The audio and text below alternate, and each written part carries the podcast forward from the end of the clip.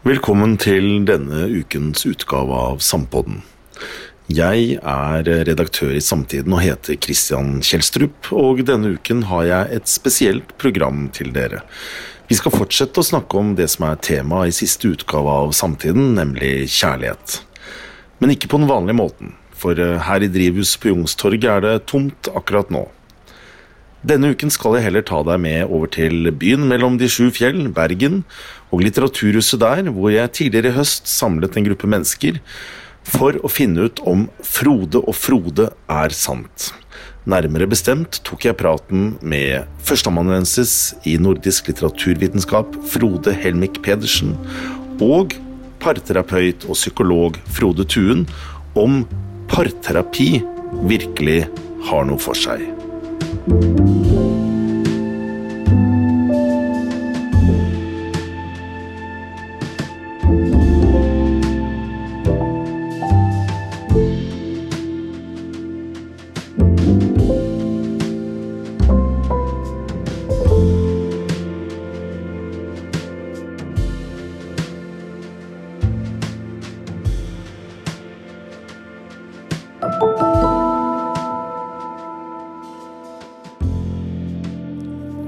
Jeg gir ordet til Frode og Frode, så kan jeg kort si uh, hvorfor Samtiden ville snakke om kjærlighet i dette nummeret. Uh, dette evige tema kjærlighet, hva nytt kan man overhodet si om det? Nei, det er litt sånn at hvis man eh, ser på hvordan tidligere generasjoner, og man skal ikke gå så langt tilbake, har praktisert kjærlighet, så kan man ofte riste litt på hodet eller smile litt skjevt. Som f.eks. når man ser på forsiden til denne utgaven av Samtiden, hvor det er et sånn eh, Det ser ut som en kopi av bladet Romantikk, for dem som husker det. Eh, det er kitsch, det er dåning, det er eh, ikke spart på noen effekter. Man tenker vi vet en del bedre i dag. Vi har bedre forutsetninger for kanskje lykkes med en fri, fordomsfri kjærlighet. Hvem vet. Men så viser det seg jo da, hvis man ser på skilsmissestatistikk eller utroskapsstatistikk i den grad slik kan måles, eller, eller antall timer og penger som nedlegges i parterapi, at kjærligheten er og blir en utfordring for mange av oss, og er derfor også et samfunnsanliggende, og noe vi da ville ta på ny. Så kunsten er å zoome ut fra sin egen samtid og diskutere noen av liksom, hovedforestillingene rundt kjærlighet. Jeg ønsker da at dette ikke bare blir en samtale for eller imot parterapi, men at vi ser på noen av disse sentrale forestillingene om kjærlighet i vår tid. Og Så får vi se da, om det blir eh, en eh, vellykket parterapi mellom dere to, eller om det ender i en slags um, stygg scene fra et umulig ekteskap. Men jeg har lest i etymologisk ordbok at Frode, navnet Frode betyr klok, så jeg er forsiktig optimist. Frode Helmik Pedersen, jeg må gi ordet til deg først. fordi Det startet altså med at uh, jeg uh, ga deg et oppdrag og, uh, og, og nærlese og ta for deg tekstene til Frode Tuen, Sissel Gran, Peder Kjøs, andre eh, samlivsterapeuter. Heidi Bøhagen meldte meg for en del måneder siden og sa nå ser jeg Frode Helmik Pedersen krysse Torgallmenningen med en tjukk eh, stabel med bøker av Frode Thuen og andre, for nå skal han eh, ta dem for seg. Og Da er jo spørsmålet, Frode, da du gikk i gang med å studere dette materialet, hva var dine viktigste funn? Ja, ja altså um, nå, nå jeg, jeg, tror jeg vil presisere at det er ikke vitenskapelige funn. Da, fordi eh, Det var liksom litt grenser for hvor mange sånne samlivsspalter jeg orket å lese før jeg liksom eh, døde litt inni meg.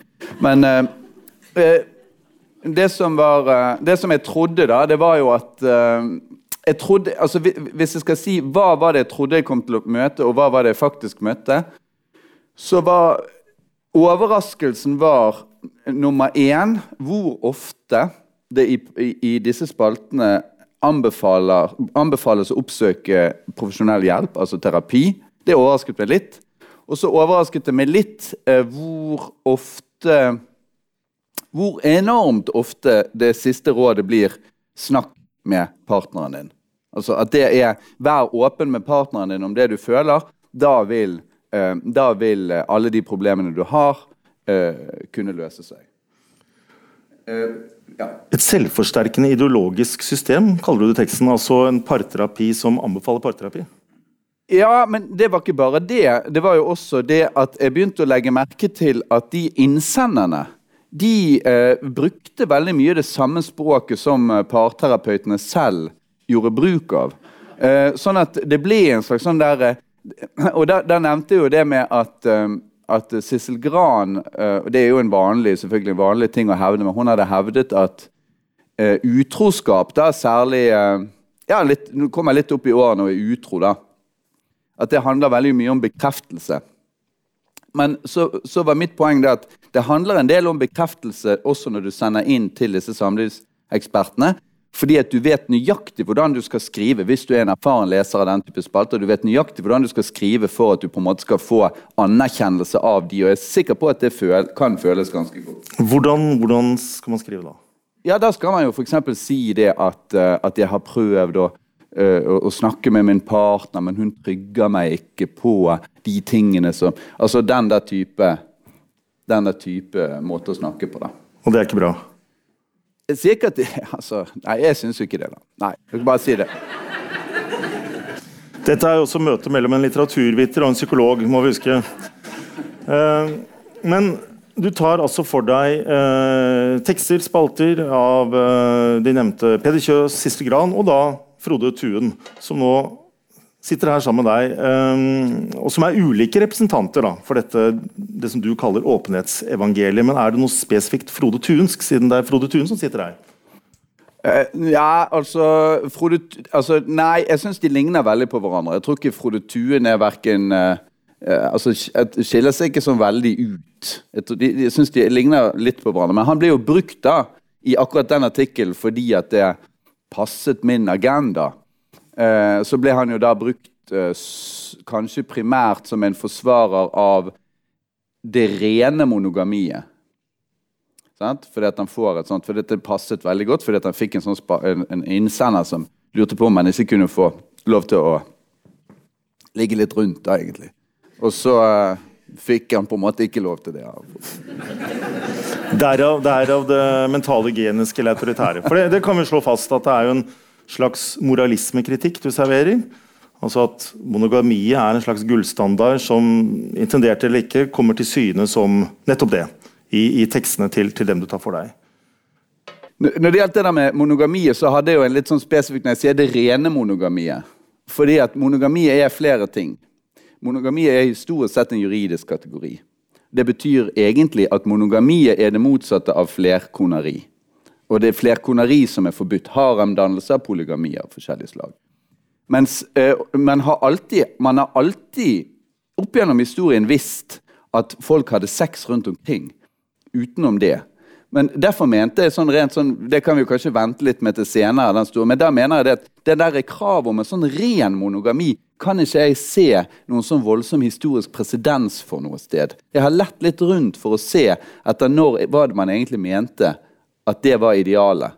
Men selv ikke i det relativt sneppede borgerlige 1800-tallet var det noen som trodde at disse borgerlige mennene holdt seg på matta. Og Så kan man jo kritisere det og se på grunner til at det var særlig mennene som ikke holdt seg på matta. Men, men la oss som du sa, komme litt tilbake til det. for jeg skal snakke litt sånn overordnet først om dette med parterapi som fenomen. Frode Tuen, du er jo en velment, velmenende eh, samlivsekspert og parterapeut som har mange års erfaring med å møte par som søker råd. Nå fikk du litt fra utsiden servert en kritikk. Er det en kritikk du kjenner deg noe igjen i? Uh, nei, det ville være rart hvis jeg sa ja. Jeg kjenner meg igjen i alt. Nei, altså, altså jeg ble jo litt um, Syns det var hyggelig å høre når du tok kontakt om at det var kommet en sånn Eh, artikkel som på en måte fra utsiden kikket oss samlivsterapeuter litt i kortene. Og sånt. Og det å ha en diskusjon om hva er det som skjer på eh, terapirommet, det syns jeg egentlig er en veldig fin, eh, fint utgangspunkt for en dialog. da. Men når jeg leste artikkelen og så hva han kom med, så, eller du kom med, så, så ble jeg litt skuffet. For jeg syns kanskje ikke det inviterte til så mye til debatt. Det var mer en slags eh, Du kommer med noen sånne påstander som hvis du hadde stilt et sånt spørsmål, hadde det kanskje vært litt, litt greiere å møte som en slags, en, slags felles ståsted, eller finne ut av hva er bra her, da, og hva er ikke bra. Men jeg fikk en sånn eh, assosiasjon. Jeg vet ikke om det er helt rimelig, men eh, jeg kom til å tenke litt på sånne eh, klimafornektere. Altså, her, her, finnes det innmari mye forskning som du antagelig ikke kjenner så godt til, og som vi samlivsterapeuter tross alt styrer etter, eller bruker. Uh, og det, det, skulle bare mangle at ikke vi skulle bruke det som finnes av forskning. Uh, og som sier noe om viktigheten av å ha en dialog og åpenhet og alt det der som, som du da på en måte kritiserer samlivsterapeutene for. Uh, og, og, det er litt det samme altså, Hvis man da sitter og har veldig sterke meninger om klimaspørsmål og, sånt, og ikke kjenner klimaforskningen, så er man på litt sånn sviktende grunn. Og det følte jeg litt når jeg leste artikkelen din. da. Ja, for det, det du og Frode Helmik Pedersen, uh, parterapiens uh, svar på klimafornektere, ikke har til felles, det er at du har lang erfaring fra parterapirommet. Uh, hva er det som går igjen i samtalene som par eller enslige vil ha med deg? Det, det, er mange ting de trenger hjelp til, men det er jo først og fremst å finne ut av det med hverandre. Altså, de har da prøvd hjemme å snakke om ting, eller ikke snakke om ting. Altså på en måte Litt inn oppskrifter, og så går det jo ganske galt for de som da oppsøker hjelp. Det er jo først når de oppsøker hjelp at det går galt. En amerikansk undersøkelse viste at det går gjennomsnittlig seks år før en av partene begynner å kjenne at dette er ikke bra, vi har det ikke bra i dette forholdet, til de oppsøker hjelp. Så det er ikke sånn at hjelpen kommer løpende etter deg. Den er jo, I mange tilfeller kommer for sent. Men det som jeg også har lyst til å trekke frem, det er at det er jo ikke bare disse terapierfaringene som da vi samlivsterapeuter har, som min navnebror ikke har. Eh, og som møter på en måte den smerten og alle de utfordringene som, som, eh, som folk sliter med i sine samliv. Og, og må forholde seg til det det er jo òg den forskningen. Dette er jo et stort forskningsfelt som har vært eh, aktivt siden eh, i hvert fall fra midten av slutten av 70-tallet. Altså når vi fikk disse enorme økningene i skilsmissetallene rundt omkring i den vestlige verden, så begynte jo også samfunnsforskere og psykologer og andre å interessere seg for dette. Og det finnes jo masse forskning som sier noe om hva er det som skal til for at det går bra i et forhold, og hva er det som skal til for at det, eller hva er det som kjennetegner de forholdene det ikke går bra i. Og det er jo den typen kunnskap som ligger i bunnen når vi møter både klienter på terapikontoret og i spalten. Siden vi snakker om parterapi, da. Jeg innbiller meg at parterapi det er vel et historisk sett relativt nytt fenomen. Det har ikke vært sånn at parterapi er noe som har eksistert sånn uminnelige tider. Uh, hvordan kom det til, eller hva kom først? Tilbudet eller, eller etterspørselen? Ja, altså Det vokste jo egentlig frem innenfor uh, psykoanalysen på slutten av 40-tallet. Så begynte man å, å, å, se at mange av disse pasientene som kom med store indre psykiske spenninger Problemene var ofte knyttet til en, et vanskelig parforhold. Og Da fantes ikke noe sånt som het parterapi eller ekteskapsrådgivning. Og sånt. Og Da begynte de første psykoanalytikerne å snakke med den enkelte, men gjerne med fokus på parforholdet mer enn tidligere barndomserfaringer. Og så etter hvert så fant man ut at kanskje det ville være lurt å ta denne partneren inn i terapien også. Og så var det en del andre familieterapeuter, eller familieterapien vokste jo også frem liksom ut fra 60- og 70-tallet, som så at dette er jo noe som psykoanalytiker kanskje ikke har liksom en slags enerett på, eller en naturlig inngang til dette. Og så vokste familieterapi og parterapi frem som en, en, en, skoleretning og som en metode. Og nå er det jo kommet for å bli. Noen vil kanskje si at det er en industri. Eh, det rimte. Da jeg ga deg dette oppdraget, Frode Helmik Pedersen fordi dette skal også sendes eh, som en mulig podkast, og da er det jo greit å vite hvem som eh, ytrer hva. Så var jo min bestilling en riktignok kritisk lesning av uh, parterapi, uh, samlivseksperter uh, som fenomen. Du går noe lenger enn jeg så for meg, for du er jo mitt klare inntrykk. Du vil jo nærmest avvikle parterapi som institusjon. Du, du, du har iallfall sagt nokså med stor tydelighet at ikke gå til parterapi. hvis et par som har vært sammen x antall år, begynner å slite. Kommunikasjonen stopper opp. De har en intensjon om å få bli sammen. Og så går de da og søker profesjonell hjelp for råd. Hva er det som er så gærent med det? Nei, altså eh, eh, det er, det, det er, greit nok, det må de selvfølgelig gjerne gjøre. Det er sikkert eh, mange som føler de får hjelp. Men jeg er nødt til, er nødt til å si noe til det Frode, min navnebror, sa her i sted. Svar på spørsmålet først. Ja, jeg har svar på det. Det er må greit. Gjøre det. Nei, nei jeg, jeg, vil ikke anbefale men, men det, altså, det, det, er jo ikke noe problem at de gjør det. Så det er jo ikke et samfunnsproblem at de oppsøker terapi. Uh, men, men det, som, det som er altså, Litt av utgangspunktet for det som jeg skrev, det var sedelighetsdebattene på 1880-tallet. Det jeg hadde lagt merke til der, det var jo full av vitenskapsfolk. Som, eh, sånn som eh, Frode Thun gjør nå, da, presenterer det nærmest som om dette er naturvitenskapelige sannheter. Sant? Det la jeg merke til den gangen at her laget man vitenskapelige sannheter som allmennheten på en måte ikke hadde anledning til å stille spørsmål ved, for dette var jo vitenskapelige ting. Eh, og så blandet man sammen med alle slags eh, ideologiske preferanser, personlige meninger og alt sammen til en slags sånn saus. da. Eh, og, og, det interesserte meg litt, da, det å se hva er det vi i dag tror på en måte er medisinske sannheter, nærmest. Altså, ting som, ting som man, man, må studere psykologi i mange år for i det hele tatt å liksom, kunne stille spørsmål ved. da. Og der var En av de tingene den der såkalte emosjonsfokuserte samtalen. Det der at, at det er veldig liksom uh, uh, helbredende å skulle, å skulle, lage sånne verbale øyeblikksbilder av sitt eget indre overfor partneren hele tiden. Uh, noe som jeg mener da er, er, en utrolig dårlig samtale. og opphever vårt følelsesliv til absurde høyder av viktighet. Jeg tror ikke at dette er veien å gå. Eh, fordi at det rett og slett er eh, Det blir du, du, får ingen distanse til samtale. Det blir en utrolig vanskelig og tung samtale, synes jeg, hvis du hele tiden skal si 'Nå jeg sa det. Hva følte du da?' 'Jeg følte det. Du følte det.' Det, det, det, er ikke sånn vennskap oppstår. Det er ikke sånn Men det er jo ikke, det, det er heller ikke det man driver med i parterapi. Så du snakker jo utenom å kjenne forskningen og du snakker utenom å kjenne til terapien. Det blir jo, men, men, blir jo nesten hva, hva, hva, er det man driver med, da? Men emosjonsfokusert samtaleterapi er jo det som er navnet på den utgangspunktet for den åpenhetsideologien. Jeg har lest noen vitenskapelige artikler om det, og et oversiktsverk. Men det er jo ikke sånn man driver i, i parterapi og snakker sånn hvordan driver man?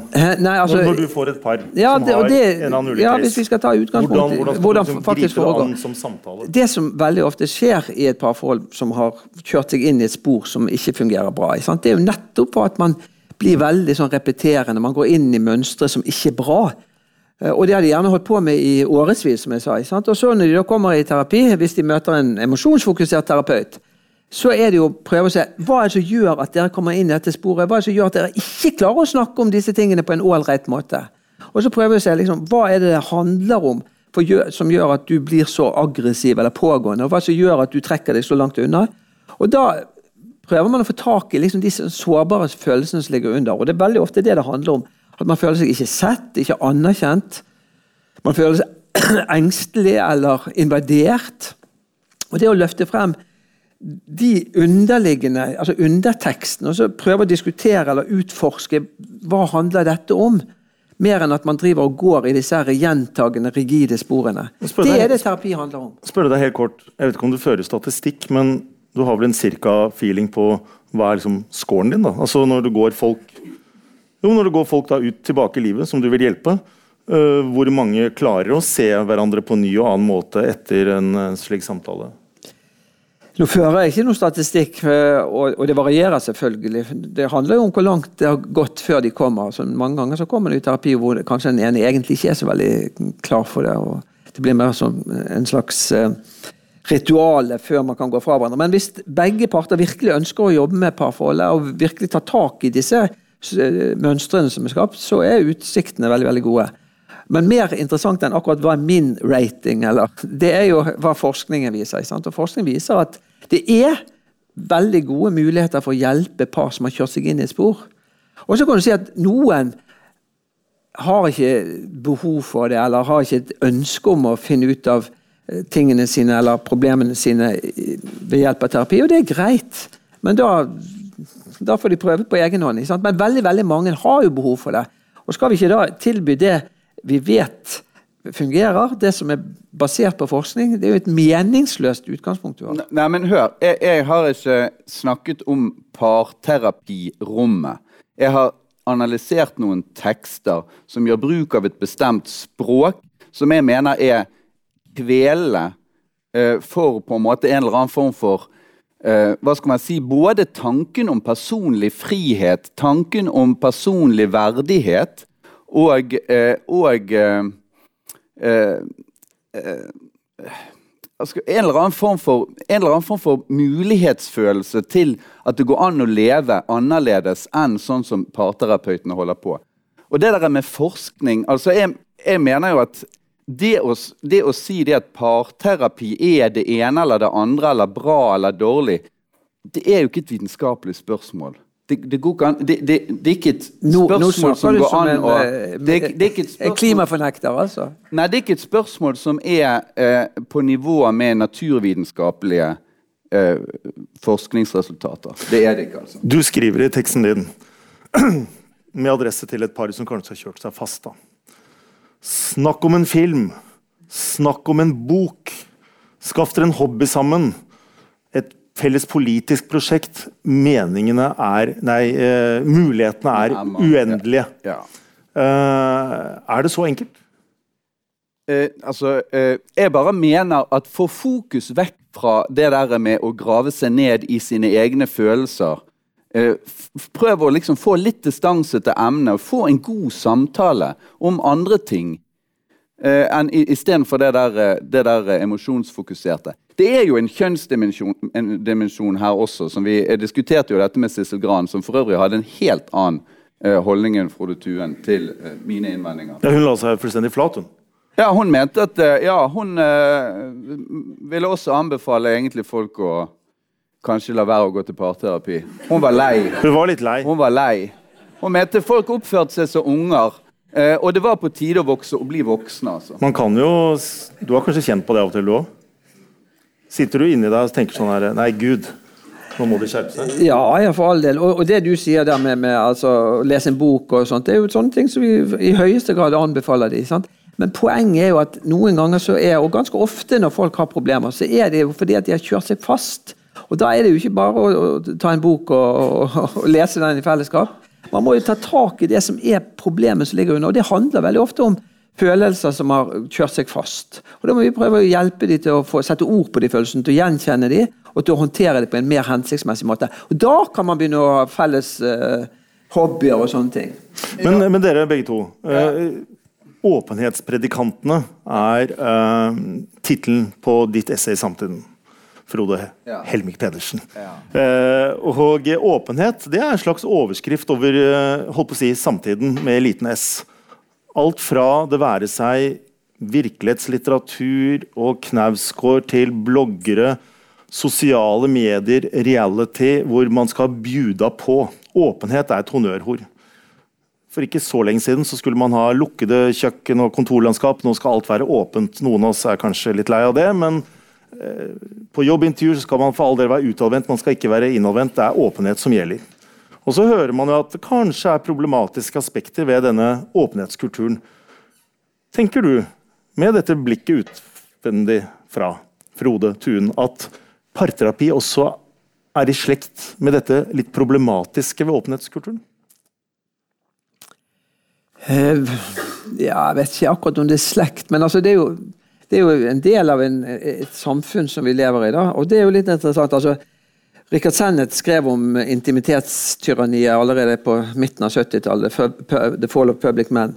Og, det var i denne perioden parterapi virkelig skjøt fart. Men det var også i denne perioden at eh, skilsmissen også skjøt fart. Så ting henger sammen, naturlig nok. Men Hvordan henger to, de to tingene sammen? Nei, altså Vi må jo på en måte løse vår, vår tids utfordringer med det som er vår tids forventninger eller standarder, eller kunnskap, ikke minst. Jeg tok med denne boken, denne aller nyeste boken som jeg er med å skrive, faktisk sammen med Peder Kjøs og Sissel Gran. Og, Nei, si, ja, ja, ja. sier du det? Ja, ja, ja. ja, ja, Men jeg vil bare altså, bruke som en illustrasjon. Den heter 'Er Klara klok'. Og Da tar vi utgangspunkt i tekster sendt til Klara Klok på slutten av 40-tallet. Eh, hvor vi da i første omgang svarer med vårt, vår tids blikk. Og så får vi etterpå se hva svarte Klara Klok. Uh, og det er jo noen ganger veldig veldig rart, det hun svarer. Fordi at hun var jo en, en helt annen tid. Og uh, hun svarte ut fra en helt annen tid. Og hadde mindre kunnskaper rett og slett om hva er det som påvirker oss. Altså, ta et annet eksempel om dette med åpenhetskulturen. Min mor hun ble født på 1920-tallet. Traff sin første kjæreste på 40-tallet. Han ble drept, han ble henrettet under krigen. En forferdelig eh, traume for henne. Så traff hun min far etter noen år, og så begynte de å produsere barn. og Jeg var den siste i rekken. Og vi, meg og mine søsken, vokste opp. Vi visste om at min mor hadde hatt en kjæreste før, og at han hadde blitt drept, men det var noe vi aldri snakket om. Var, for sånn var det den gangen. Sånn var det.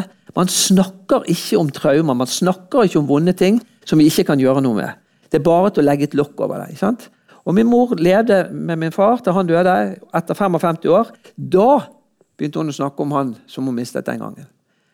For 50 år, 55 år siden. Ikke sant? Og det er jo noe med, altså, Nå vet vi nå vet vi at det å snakke om traumatiske ting, vanskelige ting, krevende ting, det er en måte å bearbeide, det er en måte å sortere, det er en måte å komme videre i livet. Men å ikke ha den åpenheten rundt det som, som vi har i dag, det resultatet så vi jo før. altså Folk hadde jo forferdelig liv fordi at de ikke klarte å bli ferdig med å legge bak seg vonde opplevelser som de har hatt. Vi, vi, snakker kanskje om litt flere former for åpenhet på en gang. Eh, hvis jeg finner det i dette samtidsesset ditt, Frode Helmik Pedersen Du har mange saftige og deilige formuleringer her, syns jeg, Blant annet denne. Ingen liker folk som gnåler om sine egne følelser hele tiden. Dette blir med Oslo-dialekt, altså og i tillegg forlanger av andre at de skal utlevere sine. Jo, tenker jeg.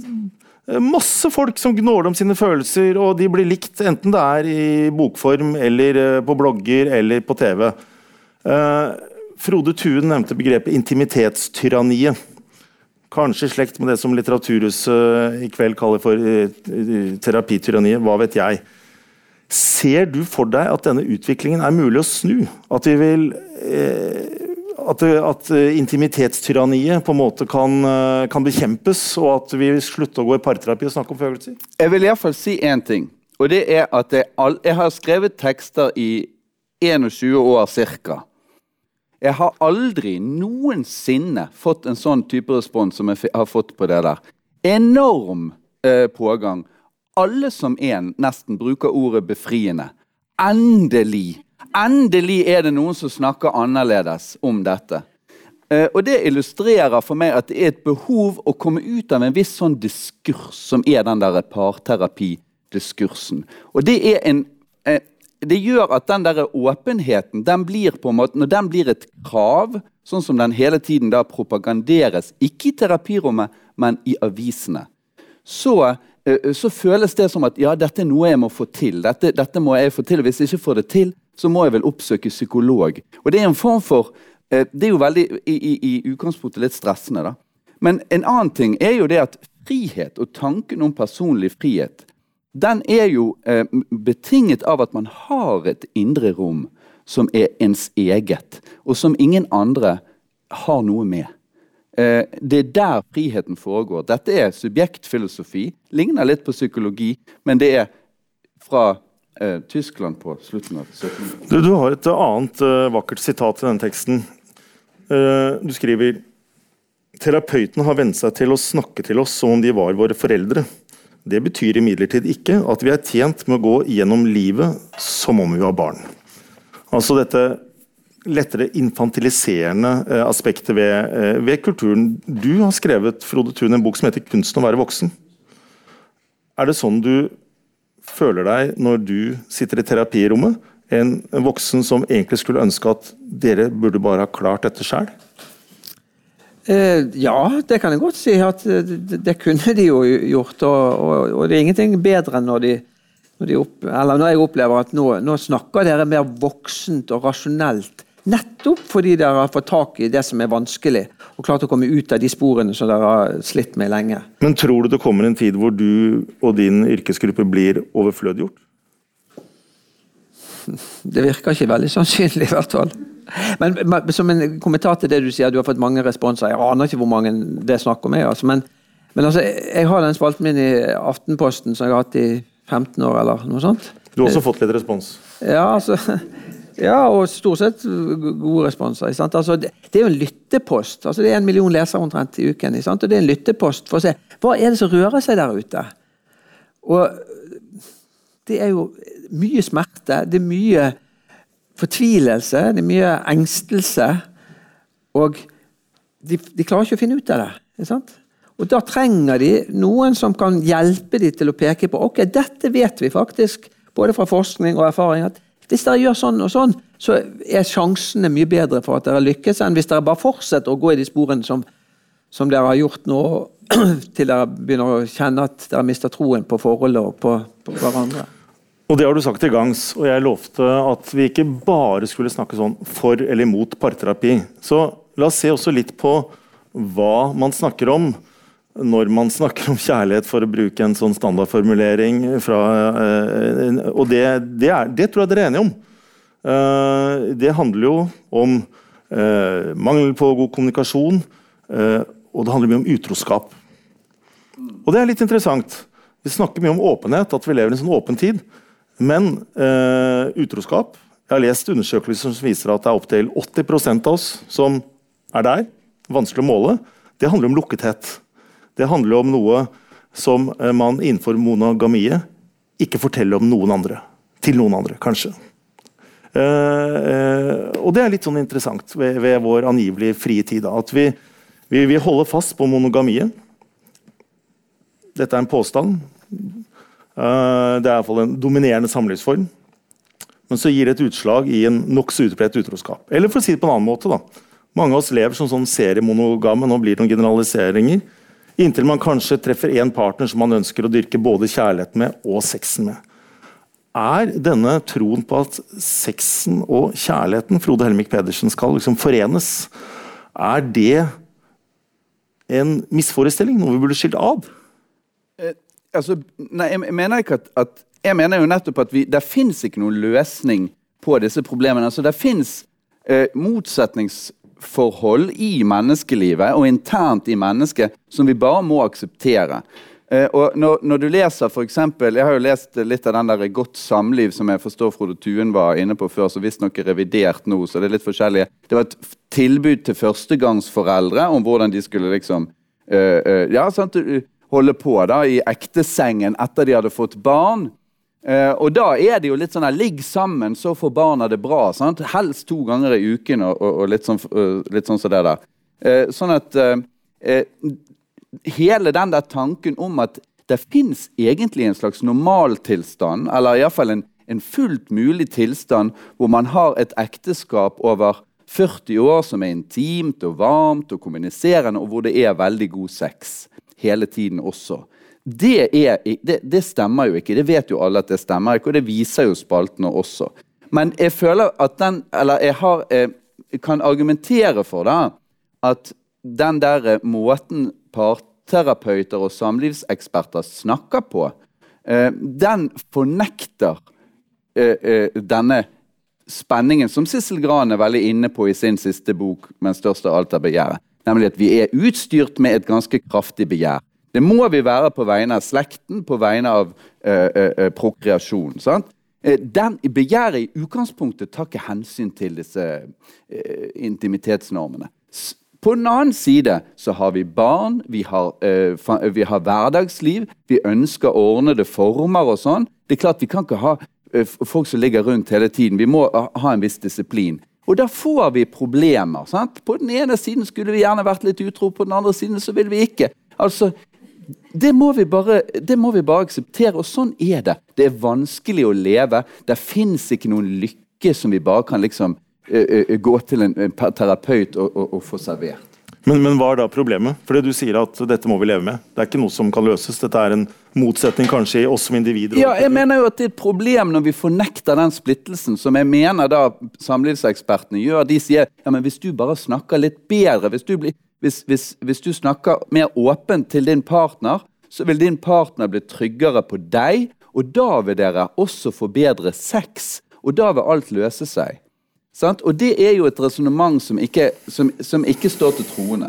Nå føler jeg meg som en sånn tennisdommer som vrir hodet og ser på den ene spilleren og den andre. Ja. For da er det bare å vri hodet i motsatt retning og se på deg, Frode Thun, og si Fornekter du denne eh, splittelsen mellom oss som erotiske vesener og som kanskje vil dyrke den romantiske kjærligheten? Nei, altså Det å altså slå inn åpne dører altså det, Du nevner at Sissel som en av de du har liksom går i går i møte med her, som uh, har skrevet en bok om det. og har også Siri Gullestad. så Bare i år så har det kommet to bøker fra fremtredende psykologer i Norge som nettopp peker på det som du sier der. ikke sant? Så det er jo klart at alle Hva er det de peker på? Det, altså, det er noe motsetning mellom begjær og, og, og, forpliktelse, mellom det spennende og det trygge. Det er en motsetning.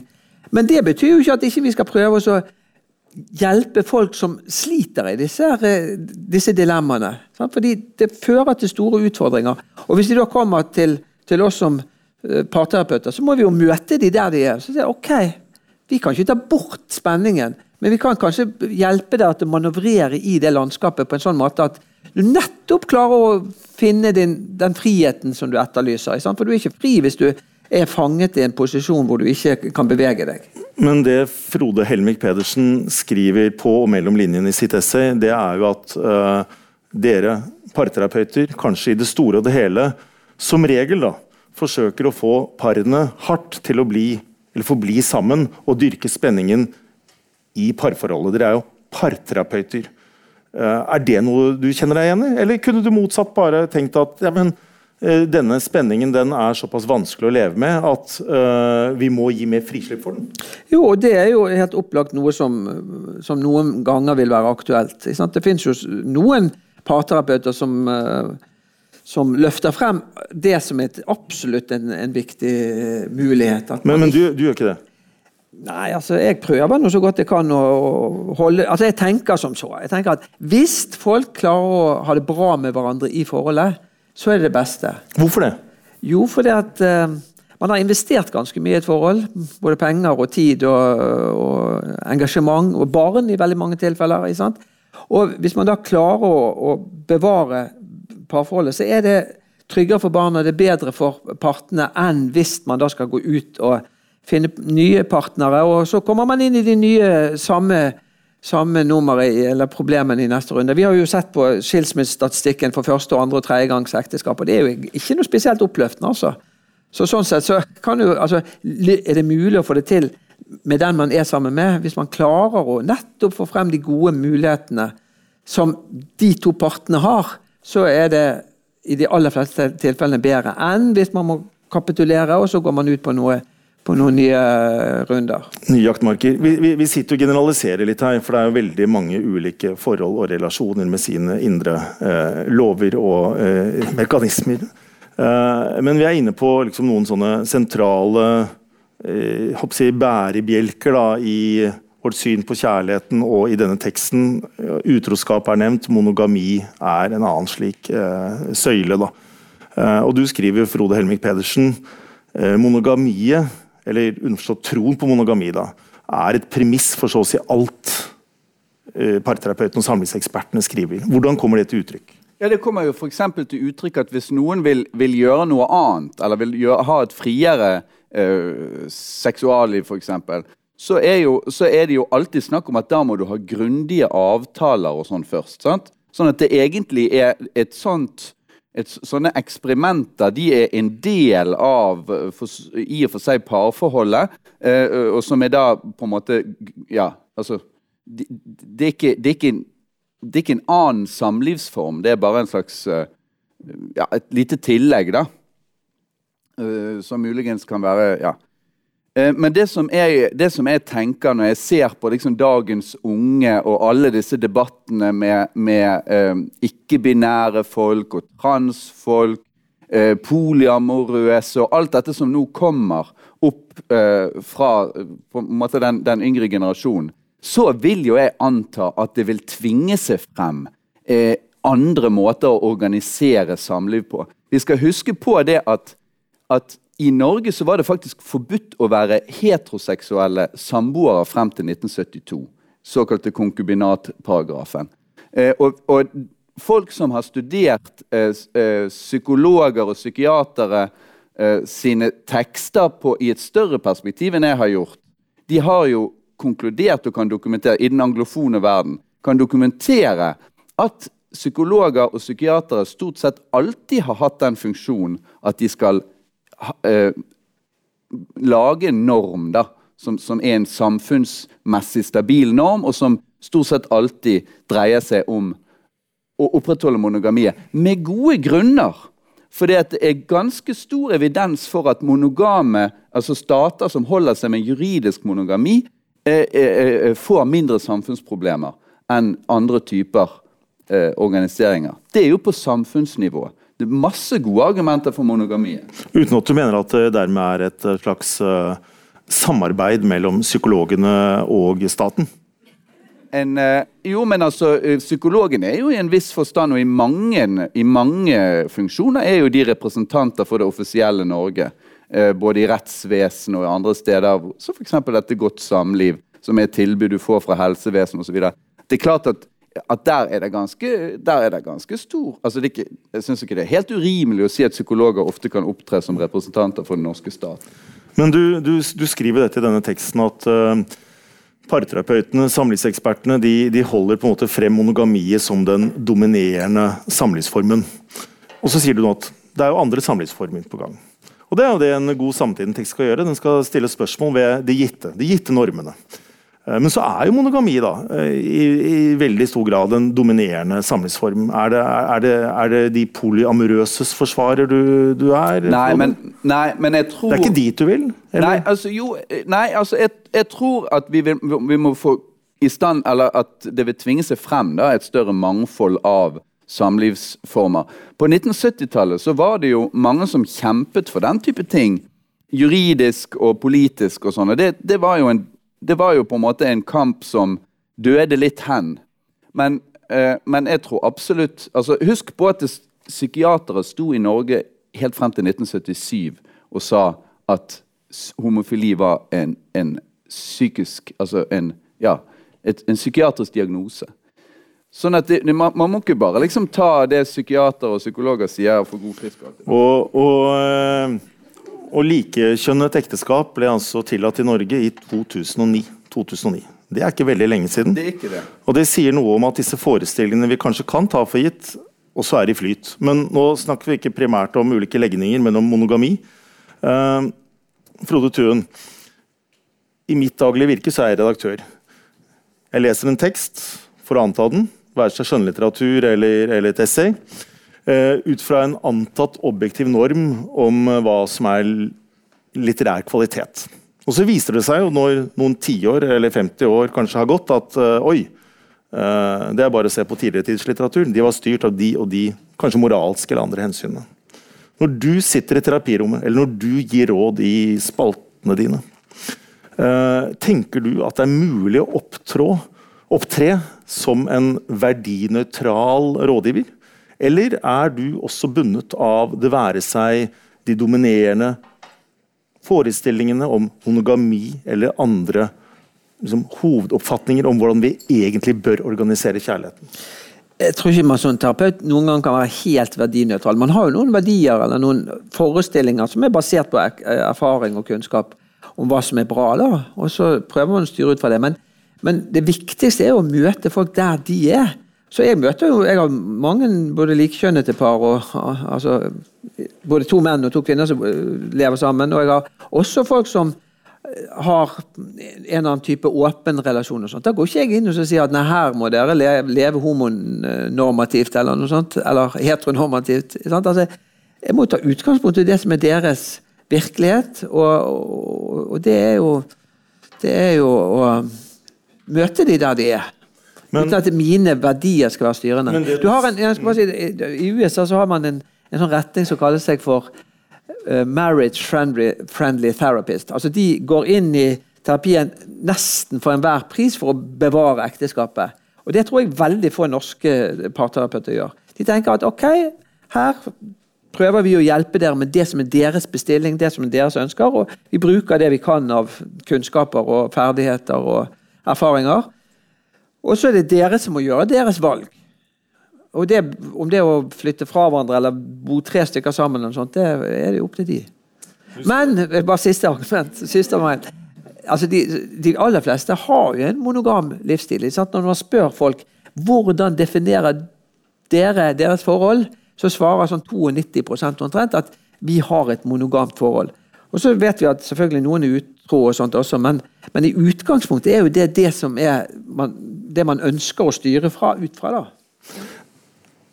Her bare gir jeg ordet til deg, Frode Elmik Pedersen, for det slår meg at du er vagt uenig i dette. Altså, eh, du snakker, Frode Tuen, om at du vil treffe folk der de er.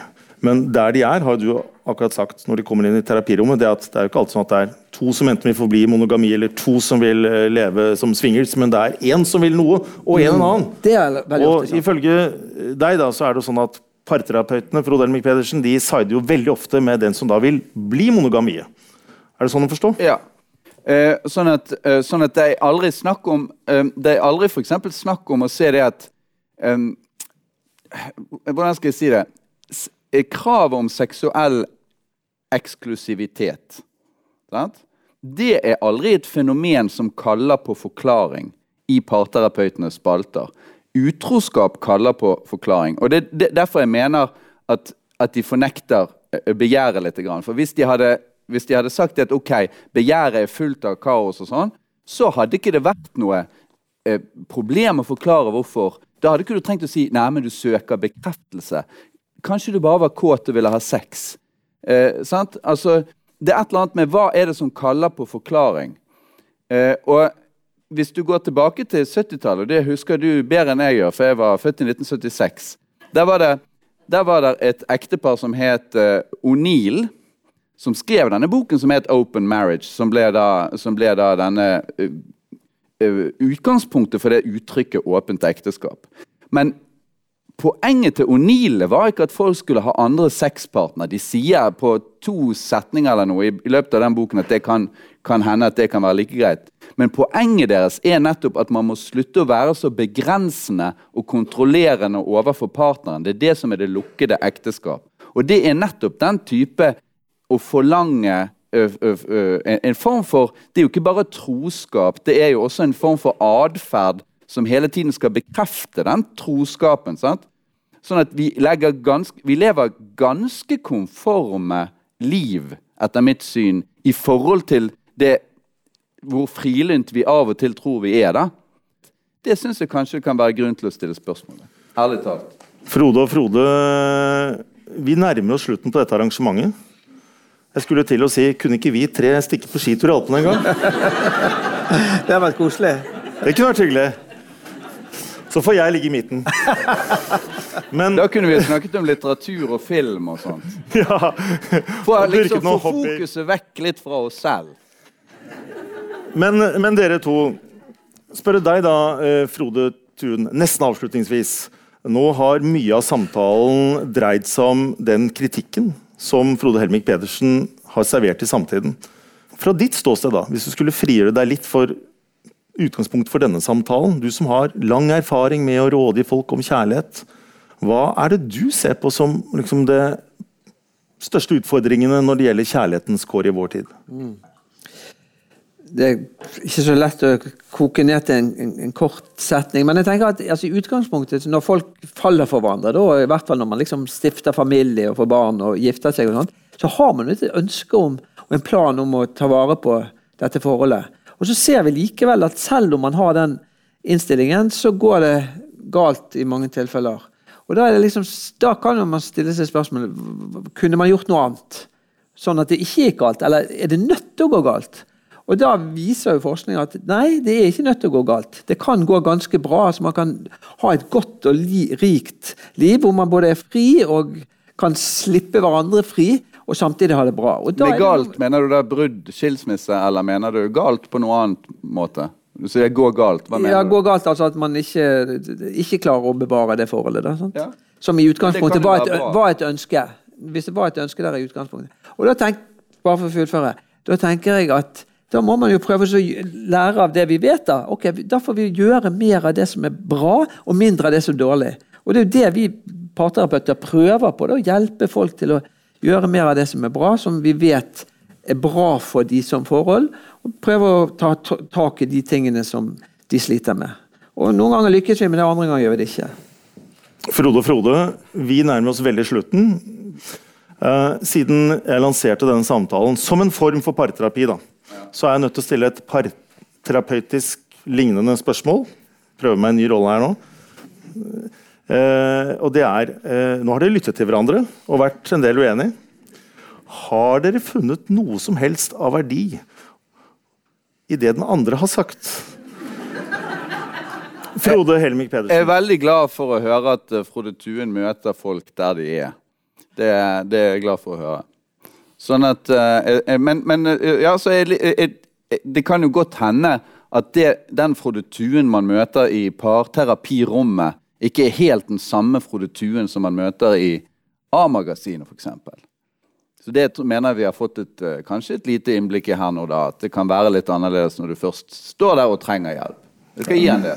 Det ga du han. Det var ikke verst.